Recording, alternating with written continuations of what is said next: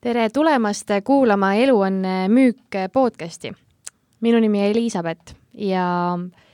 eh, täna olen siin üksi salvestamas podcasti koos Ott Kiivikasega. E, meie podcasti idee on see, et rääkida sellest, kuidas müük ümbritseb meid igal pool ning sellest, kuidas müük ei ole pähemäärimine. ja kahekümne üheksanda episoodi külaline on keegi muu kui härra Kiivikas isiklikult ma arvan, et ta ei vaja mitte kellelegi tutvustamist, tegemist on tõelise spordihingega. Ja selles podcastis me ei rääkinud nii palju spordist, kuivõrd aga tema müügiteekonnast äh,, täpsemalt kutsikate müümisest äh,, Soomest teksapükside müümisest äh,, fitness.ee ja toidu toidulisandite ärist, tema kogemustest, kõige naljakamatest äh, õppetundidest müügis ja, ja tänasel päeval ka äpi Fit, Fitspiri loomisest. ja, ja Ott rääkis väga-väga põnevalt oma, oma seosest ka spordi ja, ja, ja müügiga. nii et eh, loodan, et tänane episood paneb sind mõtlema ka teistmoodi ning eh, episoodi lõpus Ott ütles, et elu ei olegi müük, nii et vaatame. ilusat kuulamist ja kuulake meid Spotify's ja ka Apple podcastis ning eh, follow ge meid Facebookis ja Instagramis.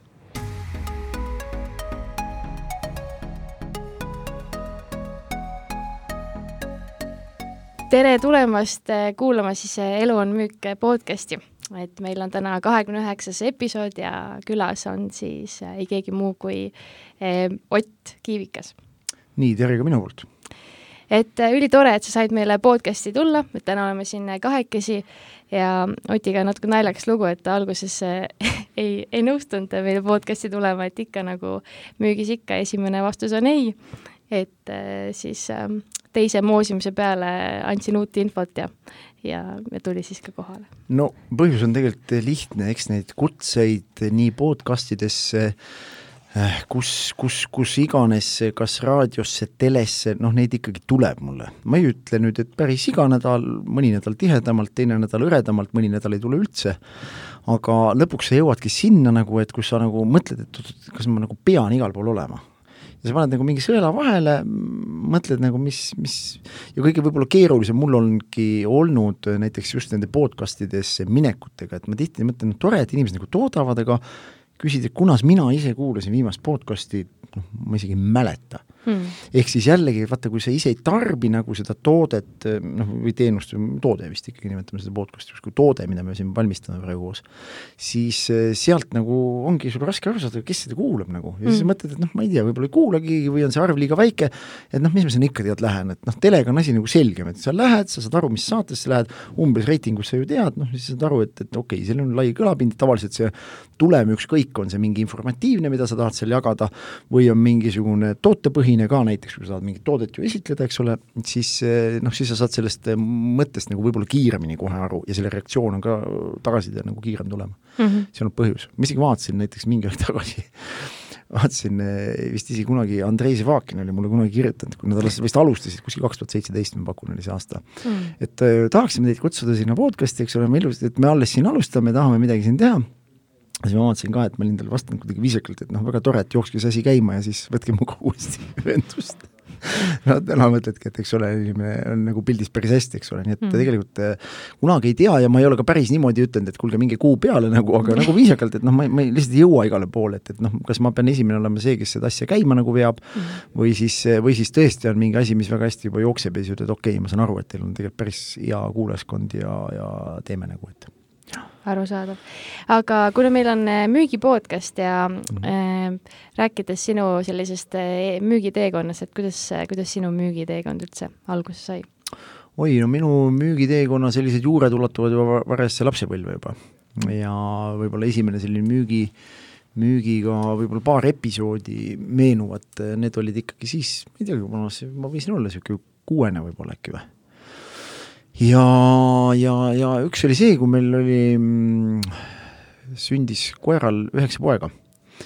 ja, ja selge, et need oli vaja kähku nagu rahaks teha kuidagipidi.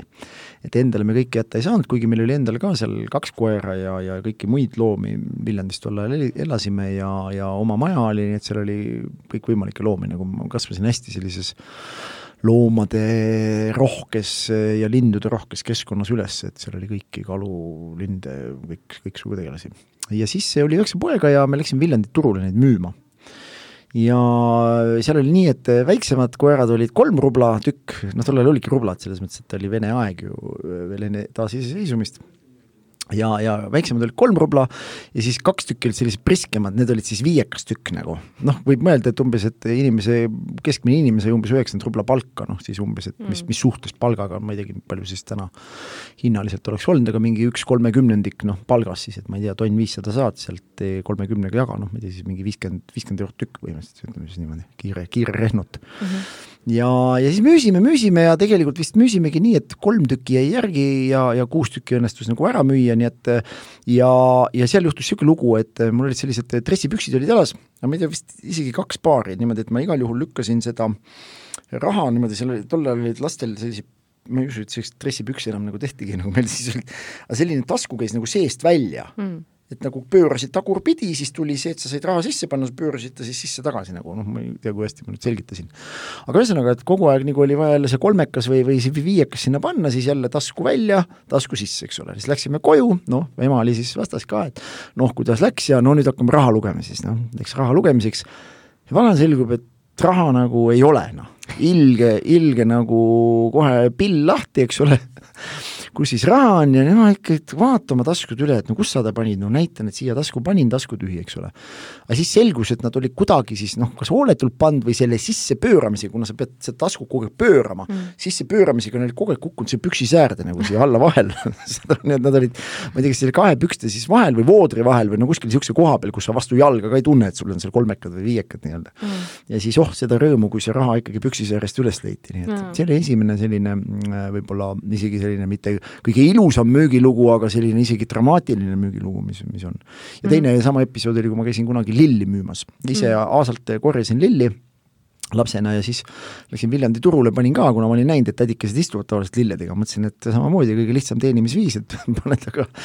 korjad aga lilled, paned aga siis purki, aga, aga nad ikkagi närtsisid seal suhteliselt ruttu need lilled ära päikse käes ka ja, ja lõpus oligi vist nii, et kellelgi hakkas hale ja, ja, ja ostis mult need lilled nagu sümboolse summa eest nagu ära, nii et mm. et sellised olid esimesed niisugused müügi, müügiga seotud nagu mäl-, mälestused või meenutused. aga sa mainisid ka ennem, kui me rääkisime, et et sa müüsid Soomes teksapükse millalgi. kuidas see? jaa, ma siis aja jooksul, ma isegi ei mäleta, kas seal mingeid muid, eks seal niisugust väikest äritsemise momenti oli varem nagu ka sees, et, et tol ajal, ma toon lihtsalt näite, kui me kaheksakümne üheksandal aastal käisime äh, Viljandi korvpallimeeskonnaga käisime siis Soomes siis Soomes äh, loomulikult noh, kui sa sellisest nii-öelda satud sellisele vabale maale, nagu Soome tol ajal oli Nõukogude Liidust, noh see oli nagu täna ma, arvan, noh, inimestel raske ette kujutada, mis mis see vahe nagu oli. Aga mõte oli siis selles, et eks sealt sai siis toodud head ja paremat, noh nii teksaseid kui tosse kui igasuguseid asju, ja tegelikult siis ikkagi juba ka noh, ostsid kümne margaga sealt mingisuguseid asju kokku ja siis siin nagu müüsid, noh tegelikult osa asju tõidki nagu müügiks. ja kõige pullim oli see, et see oli veel taasiseseisvunud Eesti alguses, kus ma käisin vist korvpallitossudega neli aastat ja ma müüsin need maha. et noh, täna täiesti ajuvaba asi, no mitte, et ei võiks nagu tosse müüa, aga no kuule, kui sa käid neli aastat ühtede tossudega ära, nagu kujutad ette, et sa oled suuteline veel maha müüma päris korraliku raha eest, ma mäletan. Mm.. nii et sellised Nike'i tossud, ma mäletan, ma sain tollal noh, ulmelise summaga kolmsada marka, ma isegi ei kujuta ette, mis see, mis see, mis see tänasesse vääringusse võis olla, aga noh, see oli ikkagi meie mõttes nagu utoopiline raha, esiteks meil ei olnud neid ja need pered, kus meid majutati, need siis ostsid meile sellised asjad, noh. Mm nii et, et sellist ka müügi, müügiasja, mingi väike niisugune müügisoon ikkagi või äritsemise soon oli tegelikult sees kuskil olemas, aga, aga hiljem juba jah, tõesti, see oli üheksakümne üheksandal aastal, kui ma siis tolleaegse elukaaslasega mm, läksin Soome ja siis me, siis me mm,, ma olin siis ikka juba niisugune noh, kahekümnendate aastate alguses, kakskümmend üks et siis ma, siis ma ikkagi tegelesin täiesti jah, ma olin, käisin mööda neid äh, kirbuturge siis erinevaid ja noh, oligi neid nädalavahetusel niisugune neljapäev, reede, laupäev töötasime, ülejäänud päevad olid vabad. et tegelikult ma sain, väga hästi see mulle sobis, et ma sain seal väga hästi trenni teha mm., nii et oligi, ma tegin suve otsa, olin seal, treenisin, sõin, magasin, nädalavahetusel tegin siis kolm päeva tööd, noh niimoodi, ja põhimõtteliselt pool sellist Soometsa alumise poole külast külla, niimoodi me sõitsime läbi ja müüsime siis tõesti päikseprille ja ja siis olid äh, teksased, levis, levised teksased olid jumal seda teab, sel ajal olid need originaalid või olnud või mis nad olid, aga ühesõnaga neid me müüsime päris, päris edukalt nagu, nii et ja sealt omandasid ka teatud nagu soome keele oskused ja ka mingid müügioskused, noh pärast ka seda, et näiteks kui inimene tuli, sa võisid vabalt öelda, mis riide suurusega püksid sa jalga paned.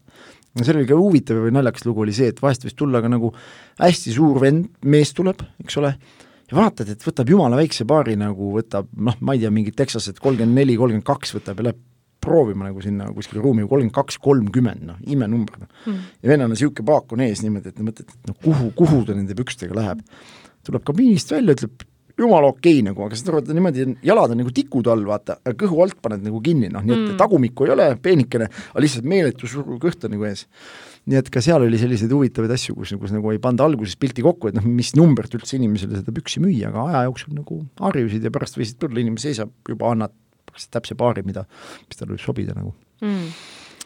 aga et minnes tagasi siis sinu nii-öelda enda ettevõtte loomisele toidulisandite näol, et kuidas see alguse sai ja millised sinu sellised suuremad õppetunnid sellest äh, on, et see on ka ju müügiga seotud? jaa, ma tegelikult ikkagi ka kakskümmend aastat müügiga tegelesin ja, ja seda siis eelkõige ka toidulisandeid maale toovas ja edasi müüvas firmas, osaühing Robocop oli selline asi kunagi ja, ja, ja sellega me tegelesime, meil oli ka veebimüük oli, me olime ka ühed esimesed, kes tegid ka siin neid nii-öelda veebiasju ja, ja üldse noh, üldse oli portaal nii-öelda, ta oli omal ajal Amazon .ee selline portaal oli olemas täiesti, me saime sealt domeeni enda kätte, nii et hiljem suur Amazon tegelikult ostis selle meie käest ka ära. Mm.. mitte nüüd mingi ulmelise summa eest, aga, aga kroonide aeg päris korraliku nagu, nagu raha eest ostis ta selle ära ja, ja hiljem ta oli siis fitness.ee, mis on tänaseni ka portaalina täiesti toimetav. ja see oli tegelikult eelkäija ka siis eh, tänasele sotsiaal nagu meediaajastule, et, et kuna me ise tootsime ka sisu, siis meil oli põhimõtteliselt tegelikult keskkond, kus me saime siis ka hästi reklaamida täpselt seda, mida me siis tol hetkel nagu tahtsime, ja see oli ka keskkond, kus siis erinevad inimesed, keda üldse need toidulisandid ikka huvitasid või sport huvitas, eks ole, noh kulturismi, fitnessi näol, kus nad siis käisid nii-öelda. paremal päeval seal oli ikka päris korralik käidavus oli sellel portaalil, noh kui oligi selline portaalide aeg veel, eks ole, noh nii et äh, ja hiljem tõesti see supp hakkas nagu lahjemaks minema, siis äh, pigem kui, kui juba sotsiaalmeedia tuli ja me hakkasime ikkagi siin Facebooki ja kõigi muude asjadega konkureerima ja ja siis juba oli väga raske, noh, sa pead ikka väga head sisu tootma, kui sa tahad, et inimene iga päev sul, ma ei tea, käib seal saidi peal ja, ja loeb midagi või teeb, eks ole. aga seal ma tegelesin põhiliselt müügiga, ma olingi nagu müügijuht ja sisuliselt minu asi nagu oligi kas spordiklubidesse sisse müüa, kas jaekettidesse sisse müüa neid asju samamoodi igasugused degusteerimised ja asjad, nii et noh, paremal päeval ma tegin seal mingi sada viiskümmend degustatsiooni spordiklubides, noh, nii et tegelikult ma kümned aastad tegelikult panustasin sinna oma aega ja ja, ja loomulikult noh, see oligi hariv, et, et noh, kõigepealt tutvustada toodet ja, ja üldse selgitada, miks vaja on. Sest kui täna on, ütleme, sellised nii valgubatoonid, igasugused energiajoogid madala kalorsusega, BCA-dega, noh, need on igas noh, putkas on müügil, eks ole, inimestel ei ole väga palju vaja enam selgitada, mis asjad need on, siis ei teadnud keegi mitte midagi sellest mm.. ja noh, kui sa tuled mingi uue asjaga, sa pead nagu hullu vaeva nägema, et üldse arusaadavaks teha, miks sul seda toodet vaja on või mis asi see on, mida sa müüd. miks see toode on, ma ei tea, see valgubatoon on kolm korda kallim kui tavaline šokolaad seal kõrval. noh, inimene lihtsalt läheb kõrvalt mööda, vaatab hinda, ega ta ei saa aru, et, et seal on nagu ju mingi teine koostis, eks ole, võib-olla kui see proteiin peal on, inimene ei saa ka aru, et see tegelikult on valk, eks ole, noh, et, et noh, isegi niisugused asjad, nii et see oli päris jupp kõva töö tegelikult, mis me omal ajal ära tegime, kindlasti me lõime, aitasime panna selle panuse nagu, et see turu peal üldse see, ka see toidulisandite maailm tuntumaks saaks, me panime ikka päris palju aega ja raha ja, ja energiat sinna alla tegelikult. Ja hiljem juba siis äh, oli ka toidutööstus, ma olin seal ka müügi, müügijuhi ametis, et, et ikkagi samamoodi, et toodete sissemüük siis ka erinevatesse jaekettidesse, tanklatesse, sinnapoole nii-öelda.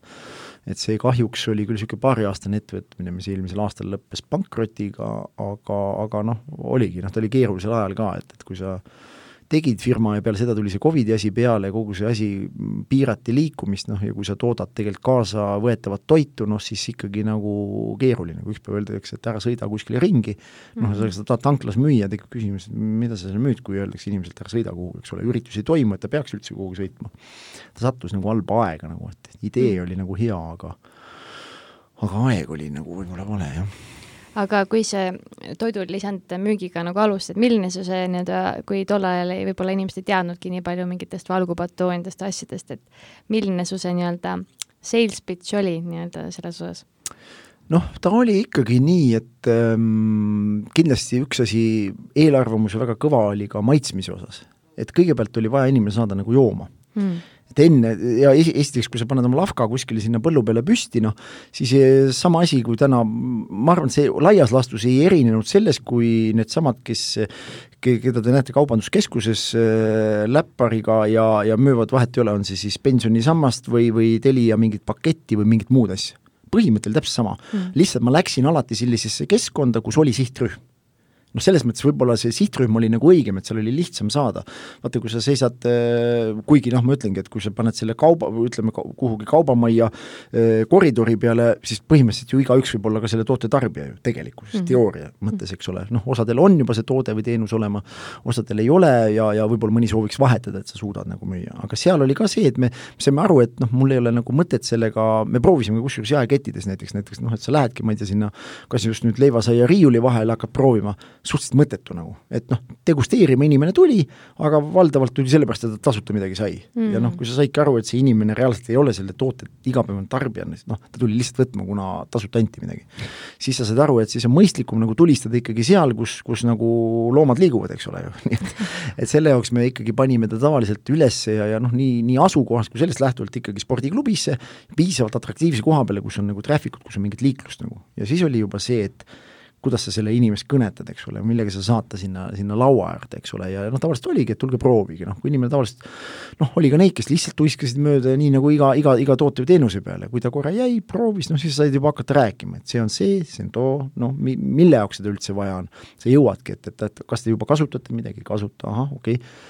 noh, aga ta tegelikult siin selgitasid ära, et treening on ise eeltöö muutuseks, see muutus toimub läbi toitumise ja selle, kui need nii-öelda toitained satuvad organismi, aga kui teil need ei satu niisama ja tõenäoliselt sellest tavatoidust, mis sa võib-olla koju lähed, ise teadlikult sööd, ei, ei satu, noh siis oli väga lihtne ka põhjendada, miks tal seda toodet nagu vaja on. Mm samamoodi jagasid suhteliselt ruttu lahti, et noh, inimene vaatas ka, et no ma ei tea, see kott on kakskümmend eurot, et miks ma pean kahekümne euroga selle kotti ostma. kui sa selgitad lahti, et põhimõtteliselt näed, ühe toidukorra hind on sul võib-olla, noh, ma toon lihtsalt näite, kaks eurot, eks ole, noh siis vaatasid, no aga ei olegi ju palju, eks ole. et kõik niisugused asjad, et siis sa saad,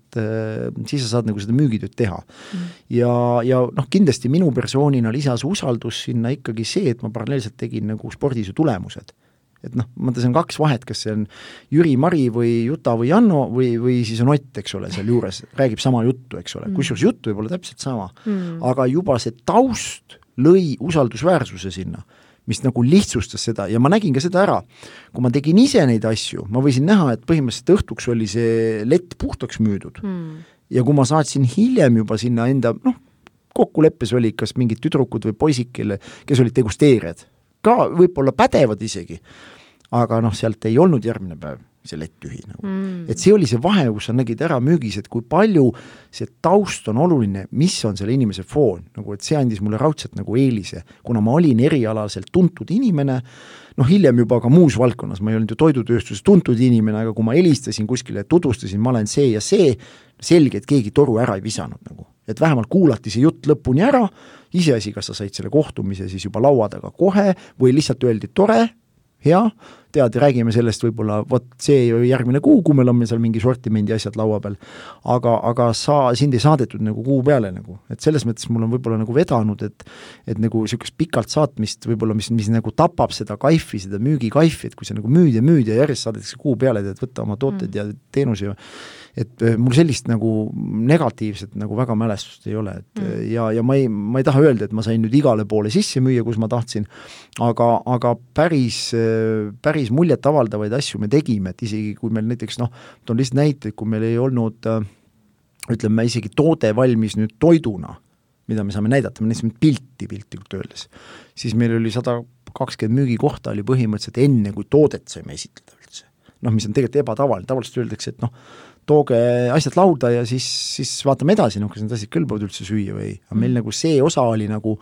oma taust mängis nii suurt rolli, et see andis selle usaldusväärsuse, see usalduskrediit on nagu tegelikult nagu taskus olnud mul kogu aeg. ja ma ei ole seda väga palju ka kuritarvitanud, ma julgen küll öelda, et, et üldjuhul need tooted või asjad, mida ma pakkusin, olid ka kvaliteetsed, kas nad hakkasid hiljem müüma, noh, sealt tulevad juba muud aspektid, palju seal turundust on taha pannud, kuidas need väljapanekud on olnud ja nii edasi ja nii edasi, eks ole, et paljud asjad olid see, mida me ise ju muuta ei saanud, eriti jaeketis, noh, keegi unustab tellimata või sul on lihtsalt kuskil alumisel riiulil asjad, sa käid, palud, et tõstke ümber ja noh, mis iganes, mis sa seal teha saad, aga noh, kõik käivad ju sama jutuga seal, noh, lõpuks, lõpuks on ikka üks kaup on alumisel riiulil, teine on täpselt silmakõrgusel, täpselt õige trajektoori peal, kus ta lihtsalt kaobki, noh, et, et nii et sellised või noh, kõige parem näide ka äpiga oli võib-olla, meil on ju liikumist aktiviseeriv äpp Fitswear, mida me siin arendame ja ja selle äpiga oli sama lugu, ega meil äppi füüsiliselt nagu valmis ei olnud, aga meil oli vist seitsmekümne partneriga lepingud tehtud selleks ajaks, kui meil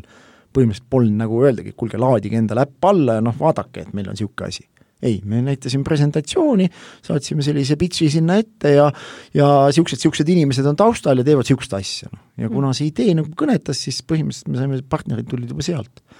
ja mul võin ka täna öelda, et ega me seda ei ole nagu kuritarvitanud, et täna on ainult noh, see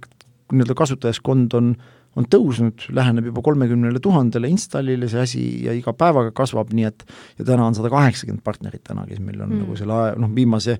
me, me pole aastagi väljas olnud, noh, see on päris, päris muljetavaldav hulk ju erinevaid firmasid, kellega sul on lepingud sõlmitud, et nii et see on, võib-olla näitabki sedasama, et, et kui ma olen nagu midagi ette võtnud, siis ma olen loomulikult ise hästi uskunud sellesse tootesse või teenusesse, ma arvan, see on üks oluline oluline pool iga toote või teenuse juures, et kui sa ikka ise ei usu, et see asi on kasulik või et see asi noh, vähemalt sinu enda mõttemaailmas, siis on väga paganama raske leida heas mõttes lolli, et noh, ise mõtled ka, et no pagan küll, et kes seda tahab, et noh, äkki mõni loll on, kes tuleb ära ostab. Aga sa pead ise uskuma tootesse teenusesse. Ja kuna ma ise tarbisin tooteid, kui ma sõin toidulisandeid, ma täpselt teadsin, noh, siin on ka tihti on mingid sooduskoodid või asjad, mis ma täna jaganud olengi, need on põhimõtteliselt nii, et toode on otsast peale seda. Aga mm. noh, põhjus ongi, ma näitan, et näete, ma söön seda ja vot see siis mõjub kas sellisena, no mingis trennivõtmes, eks ole, või või noh, kõige parem näide on mingisugune kreatiin, mida ma viimasel ajal reklaamisin oma Instagramis ja näidates ka, kuidas iga nädal jõunäitajad paranevad, kuna no see on toimiv toode, noh, ma ei pea valetama, vaata kui sa ei pea valetama toodet müües, siis see mõjubki veenvalt ja, ja päeva lõpus on nii, et lõpuks tahtsid siit sõbrale eile hakata ostma, igalt poolt on seesama asi otsas, just selle, selle brändi kreatiiv, mida, mida ma just reklaamin, eks ole. aga nii, et noh, siis need asjad nagu toimivadki, et sa ise usud tootes, sulle endale meeldib ja sa oled ise selle toote fänn ja ma ei olegi õnneks võtnud ka selliseid koostöid nagu vastu, et kus on noh, kas promo midagi või tee või, või, või ka noh, mul on ju paljud äh, pikaaegsed partnerid, kellele ma teen siis turundust nii-öelda, aga noh, see on ju samamoodi müük põhimõtteliselt, lihtsalt ma ei müü oma, mul ei ole mingit ladu, et ma saadan laiali, aga ma suunan seda nii, et see toode nagu läheks müüma, noh põhimõtteliselt on tegemist ka samamoodi müügi ühe, ühe võtmega või ühe, ühe sellise, suunaga kogu müügi, müügitegevusest. ja, ja alati ma olen ikkagi kõigepealt ütlenud, et saatke oma tooted kõigepealt, testin, mõningal juhul olen ise olnud eelarvamuslik kohe, et oot-oot, no pagan, see mulle jätab mingi jama. ja samas, kui ma olen seda tootet proovinud, testinud, vaatan, tegelikult mu arvamus oli üks hmm., pagan, see on hea toode. noh, ma toon lihtsalt näite, mingid massaažiseadmed või mingid asjad, mis vaatad, vaatad, kuule noh, kellele. siis testid ära mingid kohad ja praktikas saad aru ja kui sa praktikas saad aru, siis ma oskan seletada seda ja ma oskan anda teatud energia,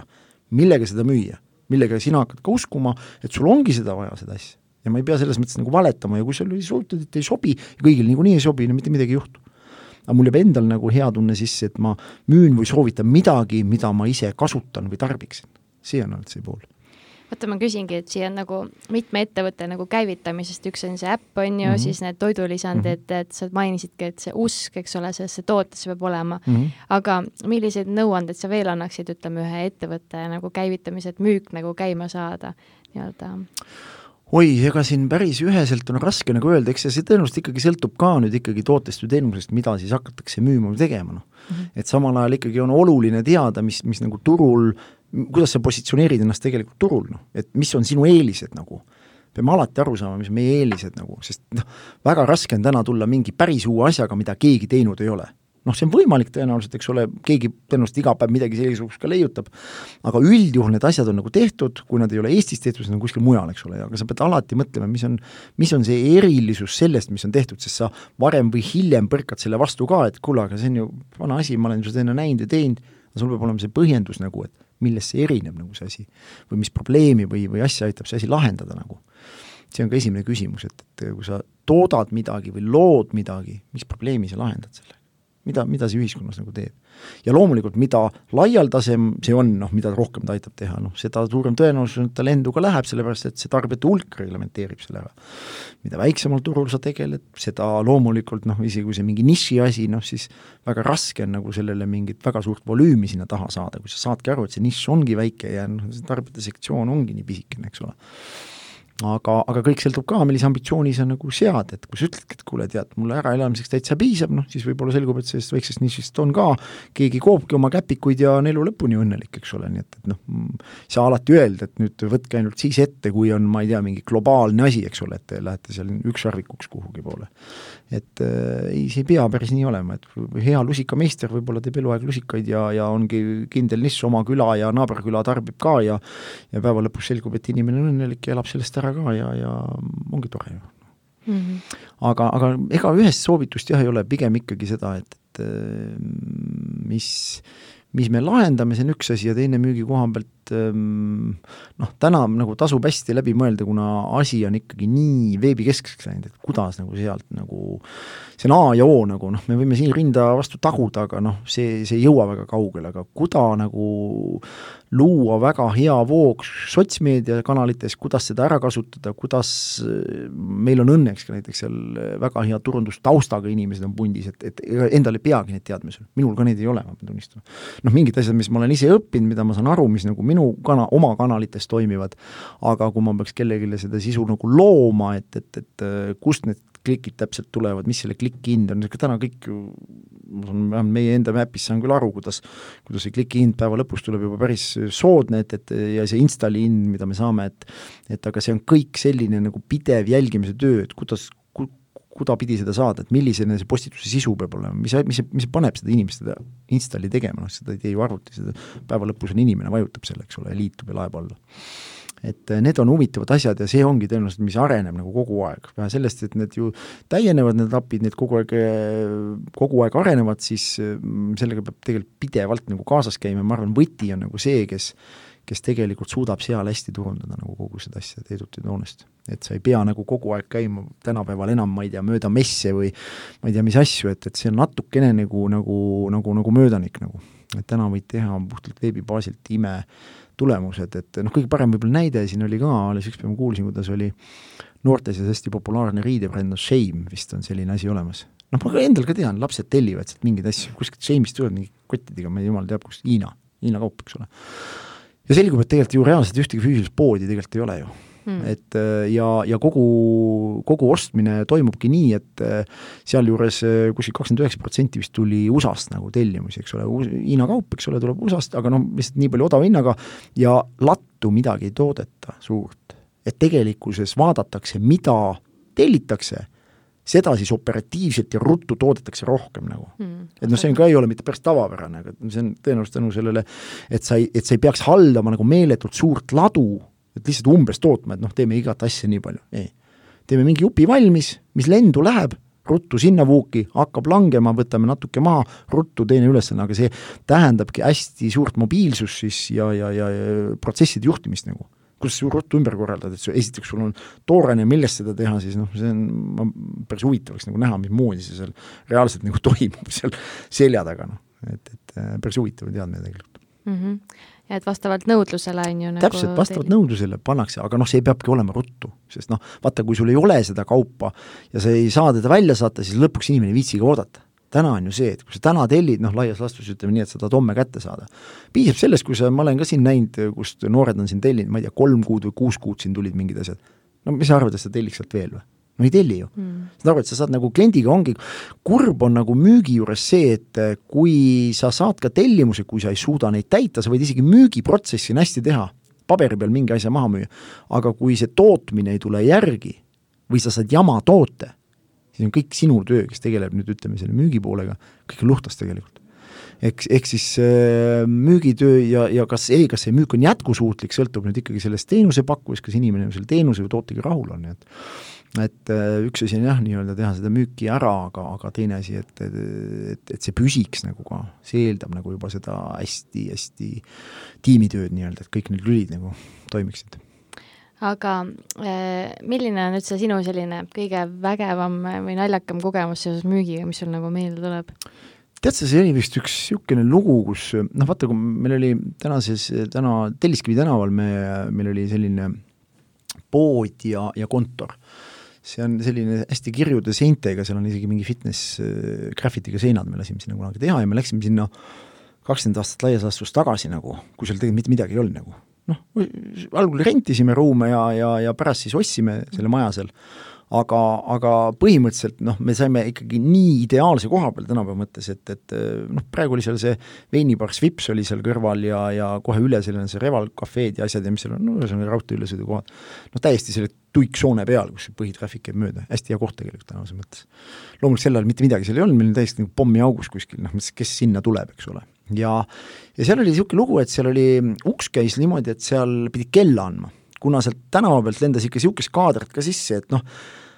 noh, et noh, narkomaane ja joodikuid ja igasugust niisugust, noh siis oli vajalik panna, aga nad tulid tavaliselt sellise koha peale, kuhu, kus üldjuhul uks oli lahti. et kui oli juba kinnine uks, et keegi pidi ust minema avama või keegi avas, tuli ju vaatama, kes on, siis üldjuhul noh, mingi seltskond oli ukse tagant nagu läinud.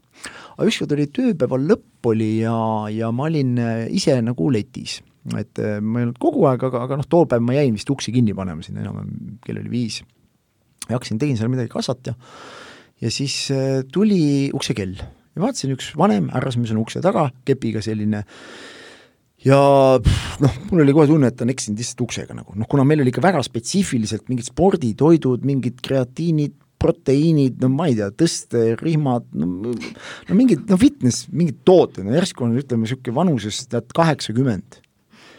härra on ukse taga ja, ja tuleb sisse. no ilusti läksin vastu, küsisin, tahate sisse tulla, jaa, tulen sisse, noh, mõtlesin ka, las tuleb, vaatab, võib-olla tuli. ja noh, olin jumala veendunud, et noh, ja kõige põllim oli see, et ta ei kuulnud hästi, ta oli nagu noh, vana inimene ikka, kuulmine oli ära. Ja siis ta midagi küsis, aga ta pidi hästi kõvasti temaga pidi rääkima üldse, noh et ta kuuleks üldse mida. Siis ta nagu kõnnib mööda seda poodi seal ringi, vaatab erinevaid asju, noh seal oli mingisugune seljakott, noh niisugune küll spordiseljakott näiteks ja ja palju see maksab ja mis asjad selle kõva häälega hästi kõvasti karjunud, see maksab nii palju, niisugune noh, veendunud, et noh, lõpetame selle pulli ära, et noh, et mine, ja kõige kulminatsioon sellel asjal oli see, et saad aru, ta ostis need asjad kõik ära mida ta siis küsis ja vaatas. Ja seal oli veel mingeid asju, ma enam täpselt ei mäleta, aga seljakotti ma mäletan jumala hästi, siis need asjad, mida veel oli, pani sinna seljakotti, põhimõtteliselt see inimene tegi päeva parima kassa mm., kellelt sa ei eeldanud mitte midagi nagu. Mm.. mis on nagu selle äh, puändi sõnum on. Ja tuli vendi sisse, kett on selline, et no sul peab olema kael sinna sisse panna, kuldkett paks. sihuke jutt, viimane vint auto, saad aru, sõidab ette, raiskab sul kohati kolmveerand tundi, küsib nõu ära,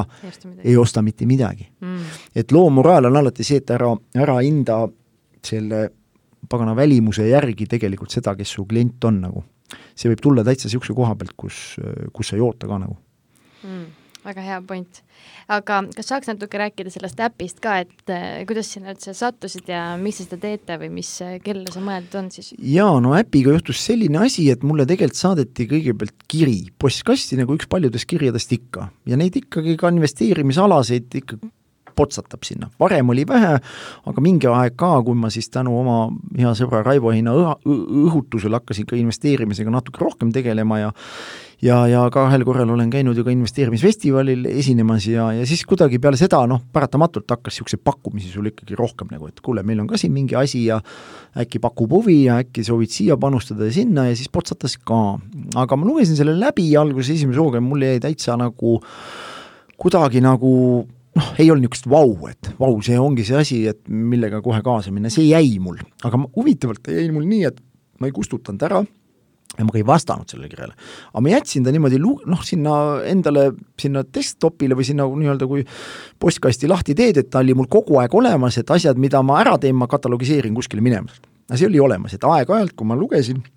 või kui kirju jäi piisavalt vähe postkasti, siis ta tuli mul jälle ette. ja,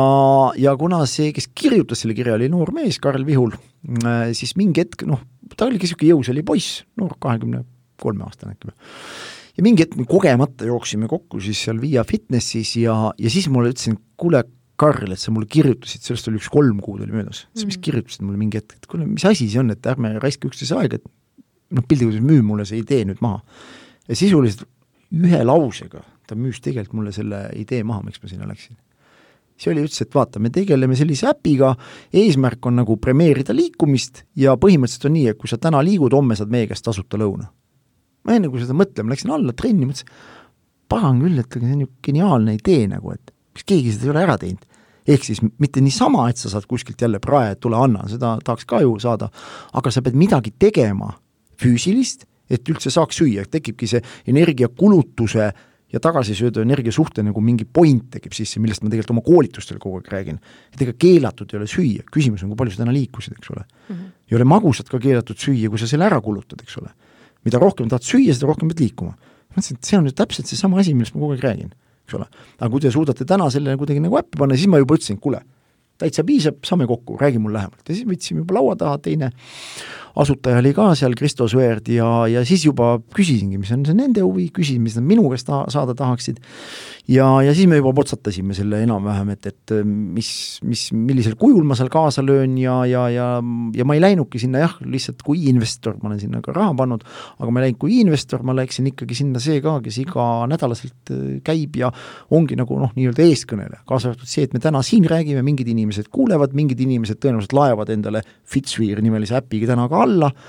ja, ja niimoodi see käima läkski, et me saime, ma arvan, liikuma ka suuresti tänu sellele, et ma aitasin seda liikuma lükata. Just seesama, et et algul ka saada telesse teda, ma olen täna enamus asjades olnud ja tänu sellele, et ma olen lihtsalt võtnud ise, kuna mul on kontakte igal pool, tänu kontakti baasile, noh. kui keegi ei ole ütelnud, et ära tule, ära tutvusta, kui sa selgitad ka ära, et kuulge, et see on ju ühiskonda parandav esiteks ettevõtmine laias laastus, ta on tasuta äpp, ei küsi isegi täna allalaadimisest midagi täna reklaamiraha maksab seal firma, kes oma tooteid või teenuseid pakub, ehk sina võid selle tasuta alla laadida ja palun väga, kasuta seda, noh. või su lapsed võivad ju seda kasutada. ja kui nad on motiveeritumad liikuma, et võita mingeid auhindu või täita mingeid challenge'id ära, ma küsin, mis selles siis halba nagu on. nii et see oli selle nagu saamislugu ja ja tänase seisuga tõesti ma olen õnnelik, et vähemalt see poolteist aastat, mis ma seal sees olen nüüd olnud, on küll läinud täpselt plaanide järgi ja, ja, ja meil on väga hea nagu meeskond, et, et kui seal on ka Paavo Siimann, üks juhtinvestor ja ja ikkagi majanduse õppejõud on nagu finantspoole eest vastutab, siis ma ütlesin ka, et kuulge, kutid, et minul ei ole nagu koolis aega olnud nagu nii palju käia, et ma tegin sporti see aeg, aga kui siin on niisugused inimesed, kes teistele õpetavad, kuidas nagu majandusanalüüse teha ja vaatavad nendele numbritele reaalsuses peale, mitte lihtsalt emotsiooni pealt, siis see sellises ettevõtmises mina tahaksin küll kaasa lüüa. Sest ma olen näinud väga palju oma elus ka juhtimist, kus on niisugune tead, ninatunde pealt toimetamine, noh. ja see on üh-, igal juhul kõigil juhtudel lõpetanud nagu karauliga, krahhiga ütleme nii. et nüüd võiks nagu teha niimoodi koolitarkuse järgi ka seda äri nagu ja, ja see on hea võimalus ja täna tundub, et me oleme õigel teel, et, et iga kuu on ainult nii müügid paranenud, viisteist, kakskümmend protsenti müügikasvu iga kuu ja, ja loomulikult äh, kasutajate hulk lihtsalt iga kuu nagu kas nüüd mitmekordistub, aga sisuliselt mitme tuhandete võrra suureneb järjest, nii et mm.. ma just eile vaatasin ka, et äh, seal, mis seal siis need auhindasid on, et vaatasin, et saab neid äh, mingeid näohooldustooteid nagu, et vaatasin kaksteist tuhat, mingi, mingi kuupäevaks pidi tegema seal -hmm. kaheksakümmend tuhat sammu, vaatasin, okei okay,, kaksteist tuhat ükssada sammu päevas, ma nii, nii või naa teen mm -hmm. iga päev nii palju, et siis et miks mitte siis. jaa, no täpselt nii, et selge, et igaüks nüüd ka ei võida, aga kuna seal ikkagi meil on järjest rohkem mänge peal, meil on järjest rohkem ka neid, et noh, mõte on ka see, et, et pigem oleks auhinnavõitjaid nagu rohkem et inimene saaks mingi elu noh, selles mõttes nagu elamuse, et vaata, kui sa oled midagi sealt juba võitnud, siis saad aru, et tegelikult ka see asi toimib, et ei ole nii, et kogu aeg midagi toimub, aga õnn mulle ei naerata, eks ole ju. et, äh, et selles mõttes natuke nagu lotogagi, et ega ju jackpot'i või mingit väga suurt võitu saavad vähesed, noh, meil on olnud Greta reis, mille me välja andsime näiteks, eks ole, kahe tuhande euro väärtuses seal, meil on olnud seal äh, nutikellasid, Apple Watch'e asju, noh, kõiki niisuguseid päris nagu kalleid jalgrattaid, asju, noh, mis on ka täiesti poodi minnes päris arvestatava nagu väärtusega, et ja me, selge, et mida suuremaks meie nagu kasutajabaas läheb, seda lihtsam on meil sinna päris suuri auhindu peale saada nagu. sest kõiki huvitab ka see, et noh, me oleme valmis auhinda välja panema, aga me tahaks mingit massi, milleni see jõuab. Nii et ka igaüks, kes täna otsustab selle äpi alla laadida, annab tegelikult panuse sinna, et meil homme võiks olla seal veel mingid atraktiivsemad asjad peal ja, ja kindlasti meil on hea meel alati tagasiside üle ka, et et andke meile teada, milliseid auhindu te soovite näha, sest täna tõesti, seal on koeratoidust kuni noh, ma toon lihtsalt näite teatripiletiteni või, või mingi vabaõhu, ma ei tea, mis asja piletiteni, eks ole, rääkimata siis mingist füüsilisest õhufritüülist kuni jalgrattani, eks ole. Mm., noh nii et tegelikult ega seal mingeid piiranguid ju ei ole mis selle inimese liikuma paneb või on, ma ei tea, Terminal Oili poolt kahesaja eurone öö, kütust, kuni siis noh, jälle mingi, mingi muu ekstreemse asja, näohooldusvahenditeni, eks ole, nii et noh, ega ta ei küsigi, sest vaadake, inimeste motivatsioon on ka väga erinev. Ühte motiveerivad näohooldusvahendid, teine ütleb, et mida paganat ma nendega teen, aga koeratoitu, ma ei tea, oma Rexile oleks jumala äge saada mingi suurem kogus, eks ole, noh üldjuhul ju pannakse mingi korralikum kogus peale, noh niikuinii läheb vaja, päeva lõpus lähen seda niikuinii ostma, täna pidin liikuma, ma niikuinii liikusin selle asja võlu ongi, et ei pea väga palju midagi ekstra tegema. kuna nende challenge ite nagu point on ka keskeltläbi on olnud niisugune seitse tuhat, kaheksa tuhat päev mm.. lihtsalt, kui sa hiljem liitud, vaata siis sul on see noh, mida hiljem sa mingi challenge'iga liitud, noh seda rohkem sa pead siis lühema ajaga tegema. aga põhimõtteliselt nad on ehitatud üles võimete kohaselt, sest me ei proovi nagu teha teda nagu spordina, et noh, kes on esimene, ei sa võid olla oma kolme tuhande, noh, meil on seal näiteks ühes auhinnamängus osaleb kolm tuhat inimest, sa oled võib-olla kahe tuhande seitsmesaja kolmekümne viies, aga auhinna saad sina. ehk mm. meid ei huvita see, kes on esimene, sul on võimalus näha küll, kus sa challenge'is oled kui sa oled esimene, võib-olla sa saad lihtsalt hea edu emotsiooni, kuule, kolm tuhat inimest käib seda challenge'it, aga mina oma sammude hulgal olen esimene noh, see selles mõttes nagu mingi paremusjärjestus seal taustal on ja me saime aru, et see on ka oluline inimesele, mitte lihtsalt umbes käia, et, et selle sa saad. aga võita võivad, sõltumata sellest, kuidas tähendab, arvuti valib see need võitjad, et sisuliselt ei ole vahet, mitmes sa selles challenge'is olid et, et ta on nagu loosiauhinnad. ja see võib-olla muudub, muudab ta ka nagu noh, paljude inimeste jaoks vastuvõtlikumaks, et ma saangi aru, et ma ei peagi mingisuguste ultrameestega siin võidu tammuma, et, et võita midagi, aga ma võin olla lihtsalt, et ma tegingi seitse tuhat iga päev või kaheksa tuhat kolme nädala jooksul ära ja, ja ma saan selle auhinna selle eest, eks ole. Mm.. ta on nagu ikkagi selline rahva kõige esimene niisugune rohujuure tase, millega me saame üldse ka teoreetiliselt mingist tervise parandamise efektist hakata rääkima, et, et noh, nii äge nagu selline üllas eesmärk on ju tegelikult laiem, et noh, sest me näeme, et äh, alates seitsmekümne viiendast aastast on ülekaaluliste inimeste hulk neljakordistunud maailmas. ja kui te nüüd ütlete, et noh, täna, kui keegi tahabki mõelda, mõelge nüüd lahendus välja, kuidas see ära lahendada, see probleem. sest see ainult kogub hoogu, ega me nüüd iga päev arendatakse uued asjad välja, et me veel vähem peaks liikuma. et seesama hulk tööd saaks tehtud vähema hulga energiaga hull, enamus mõtleb täna selles suunas. ja nüüd loomulikult vastukaaluks sellele mingi seltskond siis tegeleb järjepidevalt selle tasakaalustamisega. kuidas me suudame mõõta välja mõne toote või teenuse, mis aitab seda passiivsust läbi vähema tegemise neutraliseerida ja kui keegi sellised, noh, ega muidu ei mõeldaks ju küll, salendavaid kreeme, ma ei tea, söö mingeid pille sisse, aga noh, kuna liikumisest me ei saa niikuinii üle ega ümber. niikaua, kui inimene liigub, tema elab öeldakse laias laastus. Ja see on kõige nagu lihtsam vorm, mida nagu ellu kutsuda, lihtsalt nüüd ongi vaja see mängulisus sinna juurde panna, mis siis, mida täna, ja nutitelefon, eks ole, et me, kui me ütleme, et noh, see on, sa pead selle jaoks kuhugi eraldi minema või sa pead eraldi, ma ei tea, mingis teises keskkonnas seda tegema, aga telefon on taskus ja kui sa suudad telefonis luua selle, siis sellel võib olla lendu nagu, sest me ka täna ju testime seda siin turul, aga, aga loomulikult on maailm avatud, et noh, siin ei ole vahet, kus sa selle ju alla laed, et noh, ma käisin Seychellidel puhkamas, kui ta oli täna, noh tol hetkel sa ei oleks Seychellidelt saanud seda alla laadida mm., kui sa oled Eestis alla laadinud, ta töötab ju ükskõik, vahet ei ole, kus sa käid. et noh, ei olegi vahet, kus sa käid, noh, ja aga lihtsalt igale maale on vaja leida see partnerite ringkond külge, läbi kelle seal seda teenust siis nagu või tooteid pakkuda, eks ole ju et noh, me täna siit näiteks, kui me paneks ka, avaksime selle Seychellidel või kuskil, ma ei tea, USA-ski, noh, on küsimus on nüüd see, et aga kus see inimene selle auhinna kätte saab, kes need sinna saadab siis? ehk tegelikult me peame looma võrgustikud nüüd igasse maale, mida me avame, ja siinkohal ongi võib-olla üleskutse ka, keegi ütleb, et kuulge, mul on väga head kontaktid, ma ei tea, seal või seal või seal on mingid huvi, inimesed huvitatud, kes on aitama koha peal luua sellist kontaktide võrgustikku, nagu me oleme Eestis täna juba pea kahesaja partneriga teinud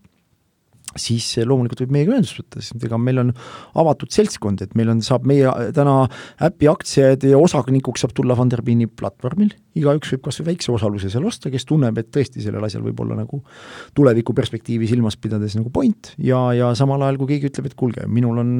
mina tahan teie heaks panustada, loomulikult ka päeva lõpus saades ise teatud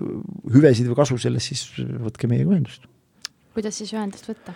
Või? noh, kas või mulle kirjutada, ma arvan, täitsa mind leiab nii Messengeris, Instagramis kui Facebookis üles, et võib täitsa kirjutada, küll ma siis juba õiged otsad viin kätte, et kellele see suunatud küsimus on, kas see on juba siis omanike tasemel küsimus või see müügiosakonnale suunatud mingisugune asi või mm., või on see turundusosakond mingil kujul mm okei okay., aga rääkides, noh, ma ise nagu näen, et müügil on päris palju selliseid eh, tippspordiga eh, seoseid, eks ole, või selles, et ütleme, hästi müüa, et et mis on sinu nagu mõtted, et millised seosed on eh, noh, sinu nagu spordikogemused üle kandnud nagu müüki? ikkagi järjepidevus järjepidevus esimene asi, mitte ühelgi juhul ei saa sa saavutada tulemust ja, ja järeldada üldse, kas sus on seda müüja potentsiaali või ei ole, et kui sa käid ma ei tea, viis korda põllul ära, nimetame põllul käiku, siis ei ole vahet, kas sa olid kaubanduskeskuses, laadal või, või, või kuskil mujal ähm, või, või viis telefoni külma kõne, et äh, sa ei saa sellest teha järeldust äh, ka oma potentsiaalist nagu, et, et äh, põhiline ja teine põhiline oluline pool on analüüsida tehtut. Ehk kui see üks meetod ei tööta ja ei tööta pikemat aega, siis minu soovitus on ka strateegiat muuta nagu, nii äris kui spordis. kõige hullem, mis saab olla, on see, et asi ei toimu, aga kütame täpselt sama targalt edasi. et ikkagi ainus asi, mis saab muuta, on see, et äkki läheb paremaks homme ehk siis eh, kuigi ma saan ka aru, et teatud juhtudel on välja töötatud strateegiad, mida inimesed peavad nagu mantrat panema ja vahet ei ole, töötab see või ei tööta, ühel põhjal töötab paremini, teisel puhul kehvemini. aga ka eneseanalüüs, mm, sest vaadake, me võime anda ühe sama jutu kätte väga, ma ei tea, kümnele eri inimesele ja selgub, et üks müüb nagu kulda teisel ei tule üldse välja. sealt tulevad mängu juba isikuomadused juba ja ka energia, mida te panete sinna sisse sest kui seda energiat ei ole, kui see on nagu lihtsalt plaat, mis mängib, siis see ei kõneta. kui selles jutus on siirast sellist usku, energiat, mida te annate, siis ta tõenäoliselt töötab paremini. jutt on täpselt sama, sisu on sama aga minu arust siin tuleb ka selleks, miks mõned inimesed on head müüjad ja teised ei ole, nii nagu üks, ükskõik mis muus valdkonnas, noh, on ikkagi see, et ähm, vist ikkagi mingisugust nagu annet peab ka olema, et ma, ma ei kujuta ette, ka suhtlemisoskus on ju selline, jah, see on õpitav, ühel on see olemas loomulikust intelligentsist ja teine, no pagan näeb sellega vaeva, vaeva ja seda ei tule nagu ehk siis, ehk siis ma arvan, see mingi, mingi, mingi väike niisugune eelsoodumus kaasa on ka, aga kindlasti ta on arendatav, kindlasti on arendatav. et kui on asjad võib-olla, mida nagu millel tuleb piir ette kiiremini, siis ma arvan, võib-olla müük on küll selline, millel see piir niipea ette ei tule, lihtsalt küsimus on pigem enesearengus võtmes ja, ja, ja ka võib-olla mingite müügistrateegiate proovimises sest ka aru saada, milline võib olla müügistrateegia sulle sobib, et, et ja, ja teine pool, sa pead ära tunnetama, milline vastaspoolele sobib.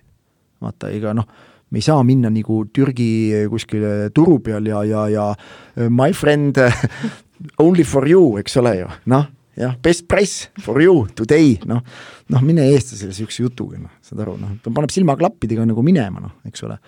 aga, aga sa pead nagu hästi nagu vaatama, sa pead laskma tal tulla uudistada ja, ja sa saad alati aru, et isegi me tegime niimoodi tihti, et kui me läksime kahekesi näiteks müüma, siis äh, vahest ma tekitasin ise vastupidise selts-, äh, seisukorra, kus ma oleksin ise nagu klient olnud. et mm. saada järgmist klienti sinna pidama mm.. sest inimesed tulid alati, naljakas oli see, sa oled ka müügiga tegelenud, inimesed tulid ja jäid kuulama siis, kui keegi juba kuulas mm.. kui ta oli esimene seal, oli vastik. keegi juba kuulas, tuli sinna kõrvõieli juba eemale seisma või proovis ise midagi, ma ei pidanud kätt ette panema, et tule ja proovi sealt laua pealt midagi. ja siis vahest mängisime seda läbi, läksid ise, jõid sealtpoolt, eks ole, mingisugust jooki või batooni, mis sa seal olid, ja siis või, või, või, või, või vastupidi, saatsid kellegi teise, et noh, tema oli nagu see klient. ja siis järsku märkamata vaatasid, opa, keegi tuli, jäi seisma, eks ole, lõksus. Nonii, ja siis hakkasid tööle. nii et ka selliseid asju on kasutatud ja, ja ega ma ei ole ka, ka ma isegi vist ühelgi müügikoolitusel ei ole küll osalenud, ma pean mm. tunnistama mm.. no võib-olla kunagi, aga, aga teadlikult niimoodi, vot, et nüüd ma lähen ja nüüd ma tahan osata, ei ole, lihtsalt elu on ise kuidagi koolitanud ja lihtsalt võib-olla ka selline hästi hea praktika on meeletu praktika, nagu ma ütlesin, paljudes kohtades, mis kohtades ma olen väljas käinud ja lihtsalt pandki lavka püsti ja noh, nüüd me müüme ja tegeleme. Ja, ja lihtsalt sa õpid nagu inimesi tundma, inimese käitumismustrid, need hakkavad nagu aja jooksul korduma nagu, et ja, ja siis sa juba tead, mis liigutusi teha, mis jutuga kõnetada ja jah, et, et see on tulnud pigem iseõppimise näol. võib-olla on läinud kauem aega see läbi, ma ei tea. aga, aga pigem ka selline väga hea suhtlemisoskus on olnud, mis mul tegelikult, ma arvan, et on olnud üks tugevusi, see on aidanud seda tööd teha nii, et ma ei ole pidanud nagu mingit hullu vaeva nagu veel, et noh, kuidagi see müük ei lähe, mis ma nüüd tegema pean, et, et ei, ei, seda, seda ei ole. Ja seepärast noh, ma ei olegi võib-olla olnud nagu motiveeritud nagu väga palju nüüd käima kuulamas neid väga häid nagu müüjaid, et noh, mul on tulnud okeilt välja, noh need asjad, mis mul kätte on antud, need laias laastus ma olen ära müünud, et noh, mis ma siis seal nagu, mida ma siis veel nagu müün, et vot nii mm. -hmm. väga põnev, et sa mainisid, vaata, et, et äh, selline kohandamine ka nagu hästi oluline, et on sul mingit konkreetset äh, näidet oma niisugusest müügi teekonnas, kus sa pead nagu väga palju kohandama, et inimene on täiesti nagu teine või noh, et ei saa vaata peale lennata nagu Türgi turu, turul, on ju eks need on ikkagi sellised ka situatsioonid, kus noh, hästi suure eelarvamusega, ma mäletan, kui me alustasime neid äh, igasuguseid ka degusteerimisi ja noh, ta on niisugune ju müügi algusprotsess sõna otseses mõttes, et kas see inimene tegi nüüd müügi kohe siit letist, väites, et meil on täna mingi kampaania, mingi toode oligi seal all, või ta suunasime veebipoodi, tegi ta sealt selle ostu või lihtsalt sai teadmise, mis oli ka meie eesmärk, oli ju teavitustööd teha. Kui talle see asi kõnetas, ta tegi selle ostu homme-ülehomme, võib-olla, võib-olla kuu pärast, aga noh, me potentsiaalse ühe kliendi saime tegelikult juurde. siis tihti eelarvamus oli ikkagi nii palju, et juba sa said juba kohe aru, et ta tuli nagu, nagu sellise nagu, nagu võib-olla isegi ründav, aga et noh, küllap seal on mingit keemiat sees ja küllap seal mingid lisaained niikuinii täis ja ja kohe niisuguse, aga siis sa võtad nagu niisuguse argumenteeriva seisukoha ja sa ei hakka nagu vastu ründama ja lasedki talle ära rääkida, mis ta sellest arvab ja siis nagu kuidagi vaikselt veeretad mingit oma versiooni sealt, et kuule, aga kas sa niisuguse nurga alt seda oled vaadanud ja tegelikult need asjad päris nii ei ole, nagu sulle nagu tundub ja ja tegelikult äh, päeva lõpus selgus, et nii mõnigi inimene, kes tuli sinna nagu laamendama, selleks see toode kaenlas nagu minema. Mm.. Saad aru? et sa ei, sa ei saa nagu isiklikul tasemel, sa peadki ta ära kuulama, ma ei taha öelda, et see, kes tuleb sul selle oma mingi teooriaga peale, et sa peaks kõrvad alandlikuks suruma ja, ja iga hinna eest talle proovi müüa. ei, absoluutselt, tal on õigus oma arvamusele, aga, aga nüüd sõltubki sinu endast, sellest professionalismi tasemest, millele viidates sa, see, sa paned vastupidisele inimese tundma, et ta pagan, noh, ma ei taha öelda, et ta loll on, aga ta hakkab ise ennast rumalana tundma mm.. ja ta saab aru, et see teooria, millega ta tuli, see absoluutselt ei päde nagu. aga see eeldab tegelikult seda, et sul on väga hea taust, et sa ei õpi ainult pähe mitte seda, mida sulle siin äh, müügikõnena öeldakse, kuule, ütle need, need laused ja noh, umbes, et siis peaks nagu müük olema, aga sa oled nagu kogu selle taustsüsteemi või tugistruktuuriga, oled paganama hästi kursis ja valdad teemat tunduvalt laiemalt kui see inimene, kes tuli oma kolme lausega, arvas, et ta teeb mu maa ja tasa seal eks ole, nii et et see, aga, aga see, see on baseerunudki sellelt, et need, nagu ma ütlesin, ma olin ise tihti nende toodete suur fänn või teenuste fänn, mida ma müüsin. ja ma keeldusin ma olen olnud ka elus, ma ei, ma ei oska konkreetselt nüüd näidet tuua, aga mul on meeles, et ma olen loobunud teatud asjade reklaamimist või pakkumisest, kui ma saan aru, et no pagan, see on ju jama tegelikult. no see on ju jama, see noh, seal ei ole ei sisu, see, vähe sellest, et see hind vastaks sellele asjale, no ma ei ostaks seda toodet ise ja kui ma ise ei suuda endale seda toodet maha müüa, siis ma ei võta ja ma ei hakka seda müüma teistele ka mm. -hmm et ma arvan, et see on selline ka aus nagu põhimõte tegelikult olnud, et sul ei ole nagu vaja iga hinna eest parseldada midagi maha, et ise kasu teenida, aga sa pead ise veenduma, et see toode või teenus on hea, mida sa ise hea meelega tarbiks. ja vot siis, kui sa lähed selle portfelliga põllu peale, ma arvan, et sa teed oluliselt tulemuslikumat tööd kui, kui siis, kui lihtsalt noh, peaasi, et pange midagi ja noh, kurat, küll ma tulistan siin raisk niisugust passion'it, eks ole. et see maitse peab hea suhu jääma, et ei, ja klient ei tohi tunda, et tema on petta saanud. see on ka üks oluline pool. et kui sa nagu ikkagi müüd millegi maha ja inimene läheb koju, noh, ma olen oma elus kindlasti saanud kuskilt sellise ostukogumuse, kus lähen ja mõtlen, pagan, raisk, ma lasin endale mütsi pähe tõmmata. ma ei oska jälle nüüd konkreetset näidet tuua, aga ma arvan, see kuskil äkki ka välismaal võib-olla või kuskil, sest sest eh, kui sa oled ise ikkagi niisugune ka, ma arvan, hea müügiinimene, noh, väga raske on siin olnud kul-, mulle kuskil midagi maha müüa, ma mõtlen mõnda toodet või teenust, kaasa arvatud, kaasa arvatud ütleme, täpselt nendes kaubanduskeskustes, eks ole sest noh, mingi aeg mul oli nagu lihtne, noh, võib-olla selle võrra lihtne, et ma nagu, kui ma olin ise ettevõtja või vahest ma mõtlesin ka välja, no tavaliselt müüdi pensionisambaid näiteks, eks ole. mul tegelikult ei olnud, ma olin tegelikult ju, noh, oleks võinud ju müüa, eks ole mm kuidagi ja, ja ma mingi, ma e-, istutasin endale ikkagi pähe, et, et mul vot see firma, mida ma teen ja, ja, ja see ongi mu pensionisammas, et, et ma ei pea nagu mõtlema selle, palju ma pensionit saan, ma tahan lihtsalt selleks ajaks nii rikas olla, et ma ei pea selle peale üldse mõtlema. aga mõneti see mõtlemine täna tagasi vaadates oli natuke vale, sest eh, kui ma oleks läinud selle firma peale, tänavuseks mul enam seda firmat ei ole, nüüd on kakskümmend aastat isegi küll, et eh, tänaseks on küll mul vähemalt kolmas pensionisammas olemas. Ja ma tegelikult nüüd vaatan, et äh, oleksin ma seda ikkagi lasknud endale varem nagu selle augu pähe rääkida, ma ainult võin aimata, palju mul oleks tegelikult ikkagi sellist äh, kuskil sukas ääres seda raha rohkem korjatud nagu, isegi väikeste panustega nagu. Nii et äh, kuidas nüüd öelda, kahtepidi, et ma olin nagu niisugune, mõtlesin, et ma ei lase endale müüa, võtta nagu põhimõte, et ma ei lase endale ära müüa, samas mõtlen nüüd tagantjärgi, et tegelikult oleks võinud seda küll lasta. Tead aga..., sa siiamaani saad veel liituda teise sambaga? teise sambaga? saad veel liituda. no väga kena et äh, jaa, aga nagu ma ütlesin, et isegi, isegi selle kolmanda samba tegemine oli nagu, nagu niisugune pikk protsess nagu, aga, aga seal oli tõuge ka vist, oli täpselt nagu siin Jaak Roosaare selle rikkaks saamise õpiku ja seal oli ka esimene asi, tehke oma see pensionisammas ja kolmas ja noh, muidugi ma kohe tegin ka sealt siis, et siis ma sain sellega nagu liikuma, et näed, oli vaja hoopis teist teist lähenemist või ka teist pädevust siis, sest seal oli pädevusele tuginesid. noh, vaata, kui sa keegi teine seda müüb, sa saad võib-olla isegi sellest aru, aga sa ei noh, ma ütlen, midagi on seal nagu puudu. võib-olla jutu käigus ja kui ma jäänud pikalt ka filosofeerima, siis, siis võib-olla see oleks, keegi oleks suutnud aga kuidagi seal teha, aga, aga jah, aga nii see läks. vaata, sa mainisid, et selline, et eh, kui inimene tuleb eh,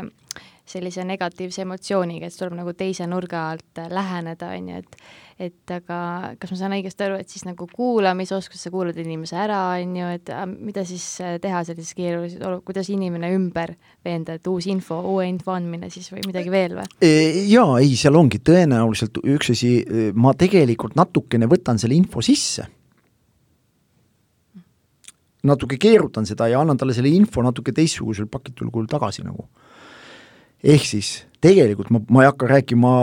tema räägib aiast, ma räägin aiaaugust, mitte sedapidi. aga ma suudan nagu veenvate väidetega tema esitatud teooria ümber pakkida. ja päeva lõpus isegi selgub, et mitte ründavas vormis,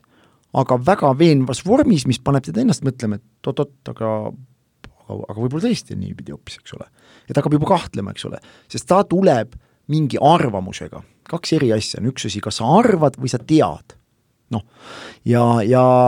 kui sa tuled arvamusega, siis arvamust on päris lihtne tegelikult inimesel ümber muuta. kui sa tead midagi väga selgelt ja veenvalt, seda teadmist on pagana raske ümber veenda, sest inimene teab, mida ta räägib. ja vot siin tulebki nüüd ütleme siis amatööri, professionaali vahe nagu välja. kui sa oled professionaal, igavesti ütleme ka oma ala fanatt, siis on, see küsimus võib ükskõik milline tulla ja sul on vastus olemas. aga kõige hullem, mis saab müügimehe poolt tulla vastus, on, et ma ei tea isegi kui sa ei tea, sa võid väita midagi ja meil täna puudub võimalus sellel inimesel ju kohe seda kontrollida, võib-olla kodust ei mäletagi, mida sa väitsid. kõige hullem asi, kui sa ütled, ma ei tea. siis see on kohe, et oot-oot-oot, sa proovid mulle praegu siin müüa, aga sa ei tea seda. sa tead ise ka, mida sa müüd. kohe tekib see tõrje, minul küll tekib näiteks. mul on olnud juhuseid, kus ma lähen mingit toodet või teenust ostma. ja väga selgelt inimene, tore inimene, viisakas inimene, ja ta absoluutselt ei tunne ega ei tea, millist toodet ta müüb, sa esitad kaks küsimust, ta ei suuda esimesele kahele ja need ei ole üldse võib-olla väga spetsiifilised küsimused. aga kui sa ei tea sellest tootest midagi, mis sa siia üldse nagu tööle tuled, ma küsin päeva lõpus, ausalt. äkki sa võib-olla tore inimene, võib-olla tegeled hoopis mingi muu asjaga.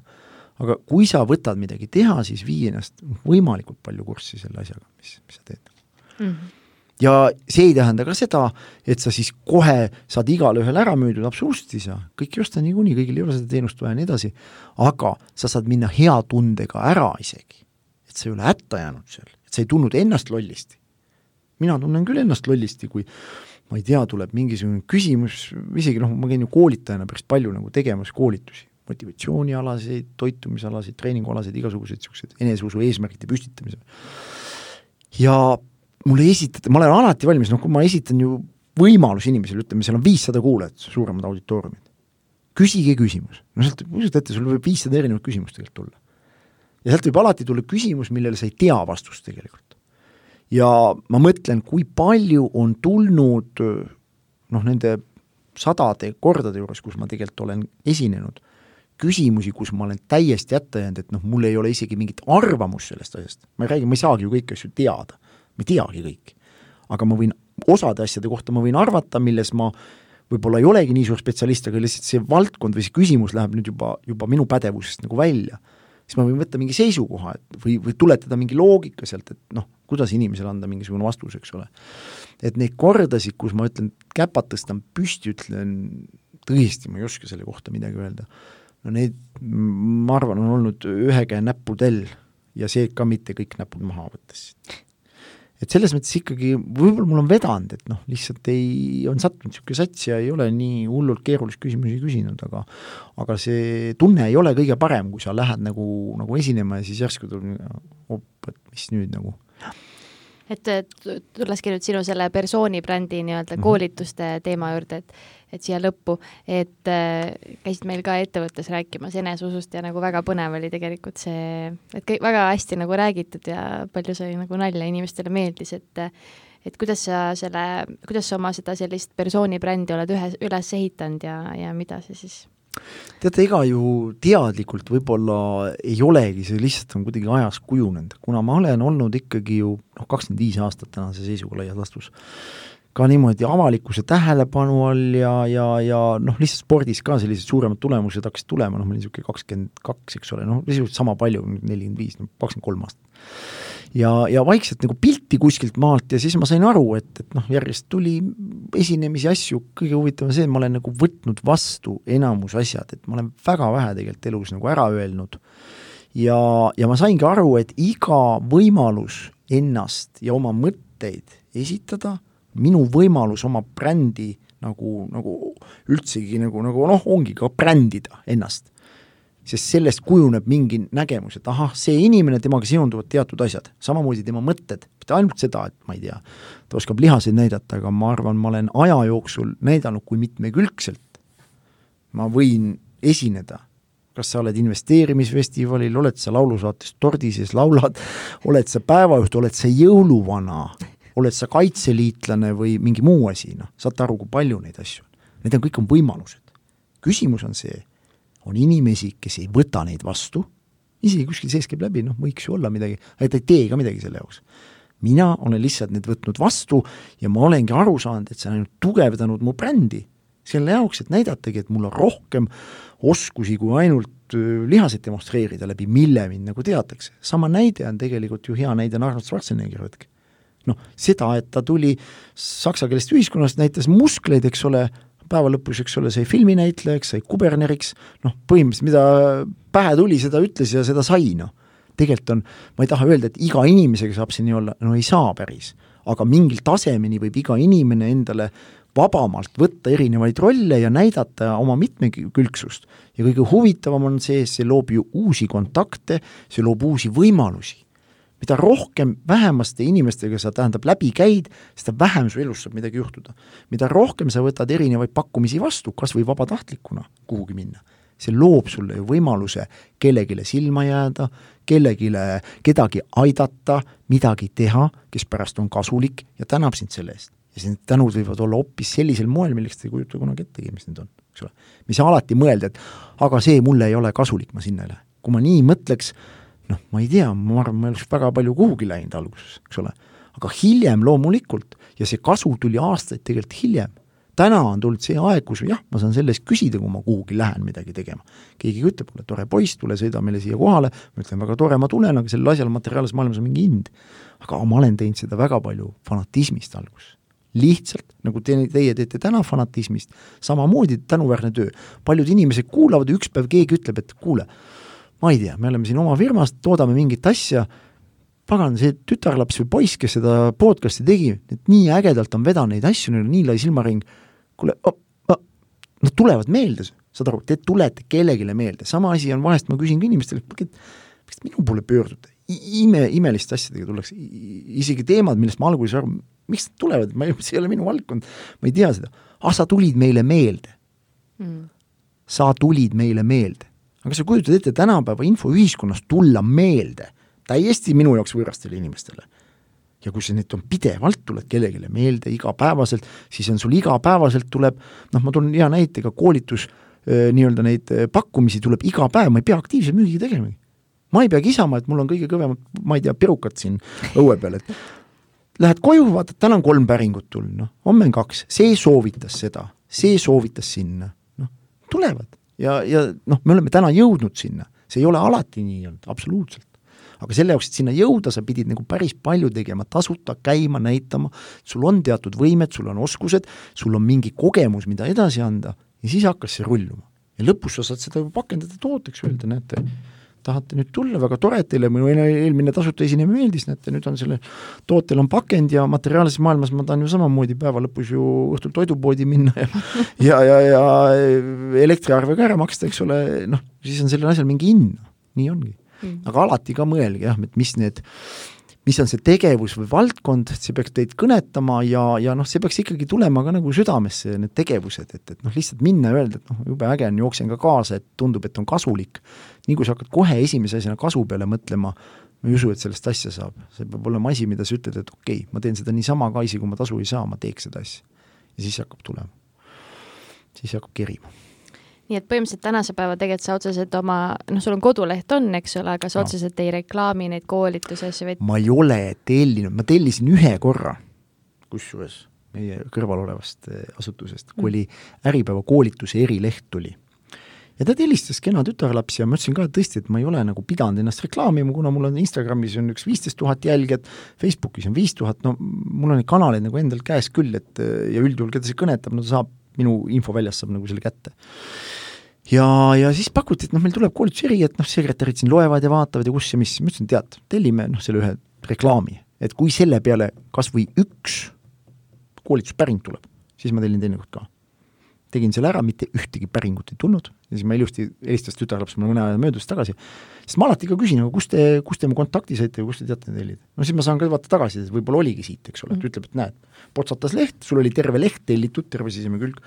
sealt nägime, noh, väga lihtne vastus, ma saan aru, et see reklaam toimis. aga tänasel juhul jah, kuna see ei ole toiminud, siis noh, peale seda mul ei ole isegi motivatsiooni sinna lihtsalt raha panna saan aru, et need tuleb, on selged hooajad ja mida rohkem ma neid käin ja teen, seda rohkematele inimestele ma silma jään ja Eestis olles ka isegi mitte ainult koolitamas, aga noh, nagu öeldaksegi, võtad telesaate pakkumise vastu, võtad raadio, sa tuled jälle meelde. isegi sa ei pea koolitusest rääkima, aga homme inimene mõtleb, oot-oot, keda kutsuda, kuule, oota, see oli seal jälle. No ja täpselt, kui sa vaatad teles ka palju need inimesed, ühed samad inimesed on enam-vähem kahe kanali peale ära jagatud, noh, mingi seltskond toimetab seal ja toodab, eks ole, ja need inimesed, vahet ei ole, nad siis muusikud või näitlejad või noh, päeva lõpus vaatadki, enamus rollides nad mängivad ja siis nad on pildis, need toetavad üksteist. see ongi kõige lihtsam turundusviis on see, kui ma teen järgmise esinemise, see ongi minu viis turundada seda asja, müüa oma toodet natuke nagu Jüri Ratas, esitad küsimuse, lõpus räägib ikka sellesama jutu, mida ta tahab rääkida, sama ka minuga. Et ma sain ju täna ka jutu käigus teha oma toodetele-teenustele jällegi ka reklaami teatud mõttes ja ma ei tunne, et ma oleks täna tulnud ja siin lihtsalt aja nagu ära raisanud. tegelikult ongi see nagu win-win. samal ajal me andsime ka kindlasti mingi sisu, mingid mõtted ju, ma usun ka kõik kuulaja nõustub sellesama asjaga, et ma kuulasin tõesti, kuule, siit tuli täitsa mõned niisugused olulised punktid või mõtted, mida ma saan kasutada, ja samal ajal, oot-oot, tal mingi äpist rääkis ka, pagan, selle võiks alla laadida või on mingi muu toode või teenus veel või kuule, meil on ka siin personal, võiksime äkki koolitama kutsuda, noh ja kui sealt tuleb üks koolituspäring või ma ei tea, kümme äppi installi, ma küsin, palju siis nagu inimesele siis päeva lõpus vaja on nagu, on ju? nii et kõik on olemas. aga ma küsin siia lõppu, et mis sa näed, et kuna meie müügi podcast'i idee on, et see, et elu on müük, et kuidas sina näed, et elu on müük? no jah, ega see on niisugune filosoofiline lausa küsimus nagu, eks ole. et äh, kuidas ma seda näen? noh, mul on, mõnes mõttes on mul nagu kahju, et me ühest küljest on tore, kus me nagu täna ju elame, ma ei saa küll kuidagipidi öelda, et kerida tõe õigusaega tagasi sada viiskümmend aastat, jube äge oleks siis elada olnud. aga teisest küljest on ka kurb, et meil tegelikult selline nagu selline noh, müük ükskõik mis muju,